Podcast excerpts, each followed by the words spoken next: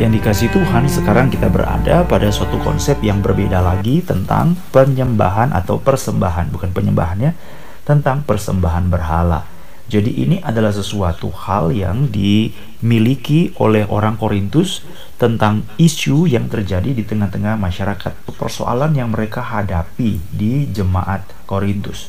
Jadi saudara mengingatkan kembali lagi jemaat Korintus ini adalah jemaat yang didirikan oleh Rasul Paulus sendiri. Kita baca dalam kisah para rasul pasal 18. Tetapi di sana memang suatu cerita yang unik. Mereka ini sebenarnya adalah orang yang sangat keras sekali. Awalnya tidak mau percaya kepada Tuhan pada waktu Paulus memberitakan Injil di daerah sana dan Paulus itu sebenarnya hendak hengkang hendak pergi dari Korintus, kota Korintus, karena dia mengalami suatu keputusasaan. Tidak ada orang yang mau menerima firman Tuhan, bahkan yang muncul adalah perlawanan. Tapi Tuhan berkata, "Tidak, tetap tinggal di situ karena umatku banyak di situ," kata Tuhan. Jadi penginjilan itu menimbulkan pilihan-pilihan. Pil penginjilan itu menimbulkan umat pilihan. Jadi saya ulang sekali lagi, penginjilan itu menimbulkan umat pilihan. Jadi kita tidak tahu umat pilihan itu sembunyi di mana, belum kelihatan, belum muncul. Tetapi lewat pemberitaan Injil, maka sebenarnya umat-umat pilihan itu akan muncul. Jadi pada waktu Paulus tetap tinggal di sana, maka semakin lama rupanya dia di sana, betul-betul Tuhan menyatakan semakin banyak orang yang percaya kepada Yesus. Sehingga orang Korintus ini memiliki banyak waktu untuk mendengarkan ajaran-ajaran firman Tuhan termasuk mereka menjadi orang yang matang, menjadi orang yang banyak memiliki sumber pengetahuan. Tetapi tetap saja pengetahuan firman Tuhan itu itu harus dikaitkan ke dalam jiwa kita. Kalau tidak, kita hanya memiliki pengetahuan tetapi jiwa kita tidak berubah. Jadi ini bahaya yang harus kita perhatikan baik-baik. Jadi sepertinya inilah yang terjadi di pada orang Korintus. Maka surat 1 Korintus itu termasuk surat yang sangat memprihatinkan karena banyak ajaran-ajaran di sana itu sebenarnya bukanlah sesuatu hal yang untuk dilakukan, tetapi sesuatu teguran-teguran. Termasuk tentang persembahan berhala. Jadi orang-orang di sana sudah dianggap memiliki pengetahuan yang cukup. Kamu sudah ngerti tentang konsep tentang persembahan kepada berhala. Mau diapain? Kamu nggak, kamu udah tahu, kamu udah ngerti. Tetapi kembali lagi, mereka itu memiliki pengetahuan, tetapi jiwa mereka, perilaku mereka, karakter mereka tidak berubah. Pikiran mereka tidak berubah, sehingga justru pengetahuan itu membuat mereka merasa di atas angin. Mereka semakin berdosa. Marilah kita baca dalam ayat 1 tentang daging persembahan berhala kita tahu. Kita semua mempunyai pengetahuan. Seolah-olah Rasul Paulus berkata, kalian udah tahu kan persembahan berhala itu kayak apa.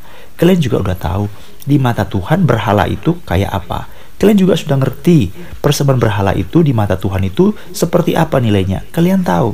Tetapi saudara-saudara, cara mereka setelah mereka tahu, mereka menjadikan itu sesuatu yang mencemarkan orang lain jadi sebenarnya sadar tidak sadar itu mencemarkan diri mereka sendiri.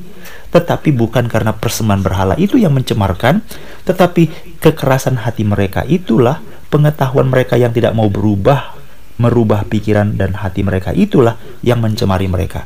Nah, ini hal yang saudara pagi-pagi agak berat merenungkannya, tapi saya ingin banyak orang tahu tentang kebenaran, tetapi mereka tidak mengizinkan kebenaran itu mengubah hidup mereka.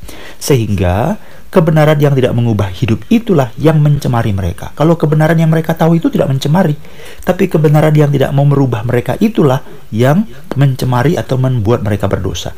Jadi ada dua kebenaran, saudara-saudara. Kebenaran itu adalah apa? Kebenaran itu sebenarnya dari Allah, hanya satu. Tetapi kebenaran dari Allah itu, itu dua tahapnya. Tahap yang pertama adalah kita tahu. Tahap yang kedua adalah kita percaya. Jadi kebenaran itu bukan hanya untuk diketahui, tapi kebenaran itu adalah untuk diper, dipercayai. Jadi kebenaran yang diketahui itu ada dalam otak kita, tapi kebenaran yang dalam kepercayaan itu itu akan mengubah hati kita. Jadi yang membuat kita berdosa bukan yang dalam otak kita, tapi yang membuat kita berdosa adalah sesuatu yang tidak kita masukkan dalam hati hati kita. Mazmur 119 mengatakan ayat 11 14, "Perkataanmu aku simpan di mana? Dalam hatiku supaya apa? Supaya aku jangan berdosa kepada engkau. Jadi orang-orang di Korintus dia tahu firman Tuhan, persembahan berhala itu kayak apa di mata Tuhan. Dia tahu. Tetapi itu tidak ditaruh dalam hatinya, hanya ditaruh dalam pikirannya sehingga dia membuat persembahan itu menjadi berdosa. Pengetahuan itu menjadi berdosa. Mari kita baca, dosa apa yang terjadi? Kan mereka sudah tahu yang baik. Iya, tetapi pengetahuan itu yang tidak ditaruh dalam hati itu membuat mereka berdosa. Artinya bagaimana? Mari kita baca. Kita semua mempunyai pengetahuan. Ayat yang ke-8 bagian pertama. Pengetahuan yang demikian membuat orang menjadi sombong, tetapi kasih membangun. Berarti mereka memiliki pengetahuan yang dalam pikiran mereka, tetapi mereka tetap simpan dalam pikiran, tetap simpan dalam pikiran, itu buat mereka sombong. Tetapi tidak membuat pengetahuan itu di dalam hati mereka, firman Tuhan itu dalam hati mereka, hanya dalam pikiran mereka, sehingga mereka tidak punya kasih untuk membangun orang lain. Waktu mereka tidak mempunyai kasih untuk membangun orang lain, itulah berdosa. Karena mereka hanya merasa bahwa aku sudah tahu, berarti cukup. Jadi ingat saudara-saudara, itulah sebabnya kita perlu berdoa untuk pemberitaan Injil. Karena Injil itu adalah sesuatu berita yang sudah kita tahu, yang sudah kita terima, yang sudah kita dengar. Tetapi masa sih tidak kita inginkan untuk membangun diri kita dan membangun orang lain? Kalau itu sudah menyelamatkan kita, masa kita tidak ingin menyelamatkan suami, istri, anak, orang lain, harus dong. Nah itulah sebabnya firman Allah mengatakan ini yang disebut dengan pengetahuan itu bisa membuat orang sombong, tetapi pengetahuan yang ditaruh dalam hati itu adalah kasih untuk membangun. Jadi membangun itu berdasarkan kasih dan kasih itu berdasarkan pengetahuan firman Allah yang sudah kita terima. Jadi ini yang saya sebut tadi dua macam pengetahuan. Pengetahuan yang ditaruh dalam pikiran dan pengetahuan yang ditaruh dalam hati. Pengetahuan itu sudah ditaruh dalam pikiran, harus ditaruh dalam hati supaya kita jangan berdosa kepada Tuhan. Sehingga diri pengetahuan itu mengubah diri kita sendiri dan pengetahuan itu kita pakai untuk membangun orang lain. Itulah disebut dengan kasih untuk membangun. Jika ada seseorang menyangka bahwa ia mempunyai suatu pengetahuan, maka ia belum juga mencapai pengetahuan. Jadi ada dua pengetahuan kan? Mari kita baca. Jika ada seorang menyangka bahwa ia mempunyai suatu pengetahuan, jadi dia sangka dia punya suatu pengetahuan. Memang dia sudah punya pengetahuan, tapi pengetahuan dalam hati dia, dalam pikiran dia, maka ia belum juga mencapai pengetahuan sebagaimana yang harus disapainya. Jadi ada pengetahuan yang harus kita capai, yang harus kita miliki. Banyak orang merasa aku sudah tahu firman Tuhan, tetapi firman Tuhan itu hanya pada pengetahuan pikirannya, bukan pada pengetahuan yang harus dicapai. Jadi apa pengetahuan yang harus dicapai? Firman Tuhan itu harus sampai kepada hati kita, mengubah pikiran kita. Jadi Alkitab mengatakan bahwa firman Allah itu ada dalam mulut kita. Jadi 1 Korintus pasal yang keempat ayat yang ke-8 ini ada satu sindiran dari Paulus. 1 Korintus pasal 4 ayat yang ke-8. Sebenarnya sudah kita renungkan beberapa hari yang lalu. Kamu telah kenyang, kamu telah menjadi kaya, tanpa kami kamu telah menjadi raja. Ah, alangkah baiknya kalau benar demikian bahwa kamu telah menjadi raja sehingga kami pun turut menjadi raja dengan kamu. 1 Korintus pasal 4 ayat 8. Suatu sindiran, katanya kamu raja, katanya kamu punya pengetahuan. Ah, baik sekali. Kalau ada kalimat seperti itu, baik sekali. Kalau memang kamu memiliki kemampuan seperti itu, baik sekali. Bagus. Saudara-saudara, inilah yang disebutkan satu sindiran. Jadi mereka itu merasa mereka sudah punya pengetahuan, tapi belum sampai pada pengetahuan yang seharusnya.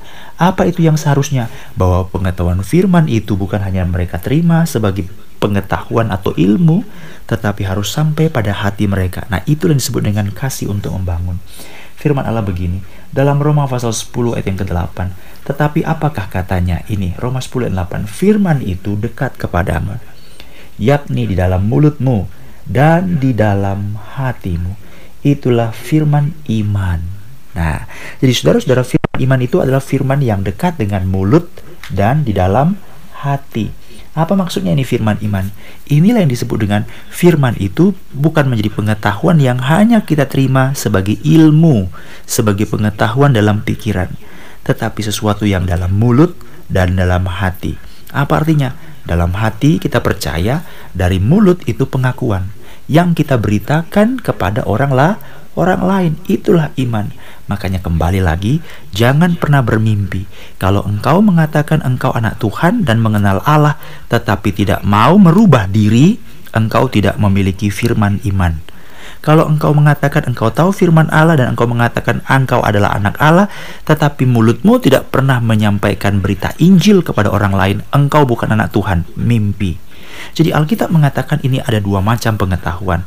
Mari kita ulang lagi baca 1 Korintus pasal 8 ayat 2. Jika ada seorang menyangka bahwa ia mempunyai suatu pengetahuan, maka ia belum juga mencapai pengetahuan sebagaimana yang harus dicapainya.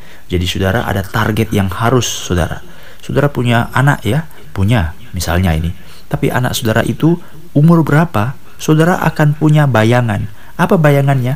Kalau dia umur sekian, maka harusnya dia bisa seperti ini. Kalau umurnya sekian, maka harusnya dia bisa seperti ini. Kalau umurnya sekian, maka dia harusnya bisa seperti ini. Jadi semakin besar umurnya, maka yang seharusnya itu semakin tinggi pula. Tapi coba bayangkan, kalau dia itu sudah umur 12 tapi nggak bisa jalan, hanya merangkak. Saudara pikir ini normal? Ini tidak normal, pasti ada penyakit di situ. Saudara pikirkan, kalau dia umur 7 tapi belum bisa ngomong, apakah ini normal? Ini tidak normal. Kalau dia umur 3 bulan, umur 9 bulan dia tidak bisa ngomong, ya kita wajar. Tapi ini umur 7 tahun masih tidak bisa ngomong, ini ada yang salah. Jadi saudara-saudara banyak orang memiliki pengetahuan, tetapi ingat di mata Allah engkau memiliki satu pengetahuan, tetapi ada sesuatu tahap yang harus dicapai. 1 Korintus pasal 8 ayat 2. Jadi janganlah orang menyangka bahwa ia memiliki pengetahuan, tetapi ia belum mencapai pengetahuan sebagaimana seharusnya. Jadi firman itu bukan hanya kita dengarkan sebagai ilmu, pengetahuan, informasi dalam pikiran. Tetapi Alkitab berkata, firman iman itu adalah firman yang ada dalam mulutmu dan ada dalam hatimu. Dalam pikiran itu adalah proses yang alami. Engkau menerima, mendengar, mencerna, memikirkan itu alami. Tetapi hal yang melampaui alami adalah kalau firman itu mengubah hatimu menjadi kasih yang membangun orang lain dan membangun diri sendiri. Firman itu menjadi alat yang engkau beritakan dalam mulutmu memberitakan Injil kepada orang lain. Jadi inilah yang disebut dengan sesuatu pengetahuan firman yang tidak mendatangkan dosa. Tetapi ada pengetahuan yang bisa menjadi berdosa karena apa? Karena tidak disimpan dalam hati. Karena tidak diberitakan lewat bibir mulut kita. Sehingga Paulus menegur orang-orang Korintus. Dia berkata, pengetahuanmu itu tidak membangun. Pengetahuanmu itu menjadikan kamu berdosa. Coba kita baca pada ayat yang ketujuh tetapi bukan semua orang yang mempunyai pengetahuan itu. Ada orang yang karena masih terus terikat pada berhala-berhala, makan daging itu sebagai daging persembahan berhala. Perhatikan kalimat ini. Dan oleh karena hati nurani mereka lemah, maka nurani mereka dinodai olehnya. Jadi jadi berdosa kan? Jadi ternoda kan? Hati kita jadi ternoda. Kenapa? karena mereka tetap dalam kelemahan dalam ayat 7 dikatakan apa yang masih terus terikat pada berhala makan daging itu sebagai daging persembahan berhala dan karena hati nurani mereka lemah hati nurani mereka dinodai olehnya ayat 9 tetapi jagalah supaya kebebasanmu ini jangan menjadi batu sandungan bagi mereka yang lemah. Jadi saudara-saudara inilah yang disebutkan bahwa banyak kali orang memiliki pengetahuan tetapi pengetahuannya itu tidak membangun dirinya sendiri sehingga dirinya masih tetap lemah, tidak membangun orang lain sehingga orang lain menjadi tersan tersandung. Saya ulangi ya, banyak orang memiliki pengetahuan tetapi pengetahuan itu tidak ditaruh dalam hati supaya hati dia kuat, tapi hatinya tetap lemah, sehingga hatinya dinodai. Kemudian, pengetahuan itu membuat orang lain juga tersan tersandung. Jadi itulah dosa yang tidak disadari. Bukan karena pengetahuannya yang jelek, tidak. Tetapi karena pengetahuan itu tidak ditransfer, tidak ditaruhkan dalam hati. Maka perkataanmu telah kutaruh dalam hatiku, supaya aku jangan berdosa kepada engkau Tuhan. Jadi setiap firman Allah yang kita dengarkan, taruh dalam hati. Taruh dalam hati. Taruh dalam hati. Jangan cuma tahu. Jangan cuma, oh ya aku udah tahu sekarang. Oh, oh iya betul ya, aku udah ngerti sekarang. Bukan, firman Allah bukan untuk itu. Firman Allah itu kita dengarkan supaya timbul ditaruhkan dalam hati. Dari situlah timbul iman. Makanya firman itu disebut firman iman. Dia firman iman bukan karena dalam pikiran. Dia firman itu karena kita dengarkan lalu kita taruh ditransfer dalam ha hati. Itulah firman iman. Roma pasal 10 ayat yang ke-8. Jadi firman itu ada untuk diketahui dan ada untuk diper, dipercayai. Dalam pikiran kita untuk dipahami. Dalam hati kita untuk dipercayai. Dalam hal di pikiran kita sebagai pengetahuan. Dalam hati kita sebagai keyakinan di mulut kita untuk diberitakan. Ulangi ya, dalam pikiran kita untuk pengetahuan, dalam hati kita sebagai keyakinan, di mulut kita untuk diberitakan. Itulah firman iman. Jadi pengetahuan inilah yang dikritik, yang ditegur oleh Rasul Paulus kepada jemaat di Korintus. Umat umat yang dikasih Tuhan hari ini, pagi ini. Engkau dengar firman Tuhan. Amin. Engkau merenungkan firman Allah, ya. Tetapi coba tantang diri, self challenge, tantang diri sendiri dan berkata, jangan pengetahuan yang demikian membuat kamu menjadi sombong. Aku sudah tahu ayat firman Tuhan. Tidak.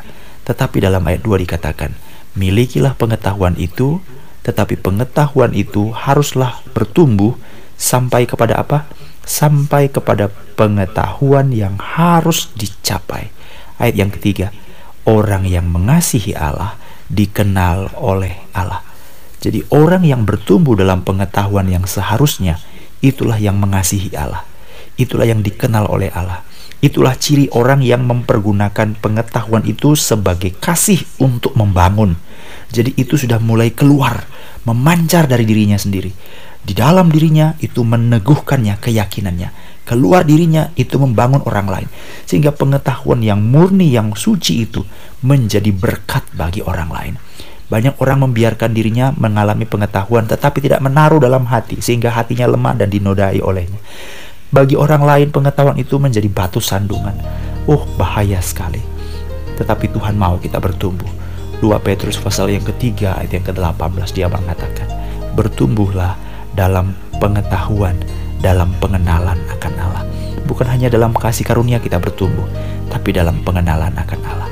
Jadi semakin tahu, semakin tahu, semakin tahu, semakin mengenal, semakin mengenal, terus mengenal, terus mengenal, sampai kita sebagai orang yang seharusnya.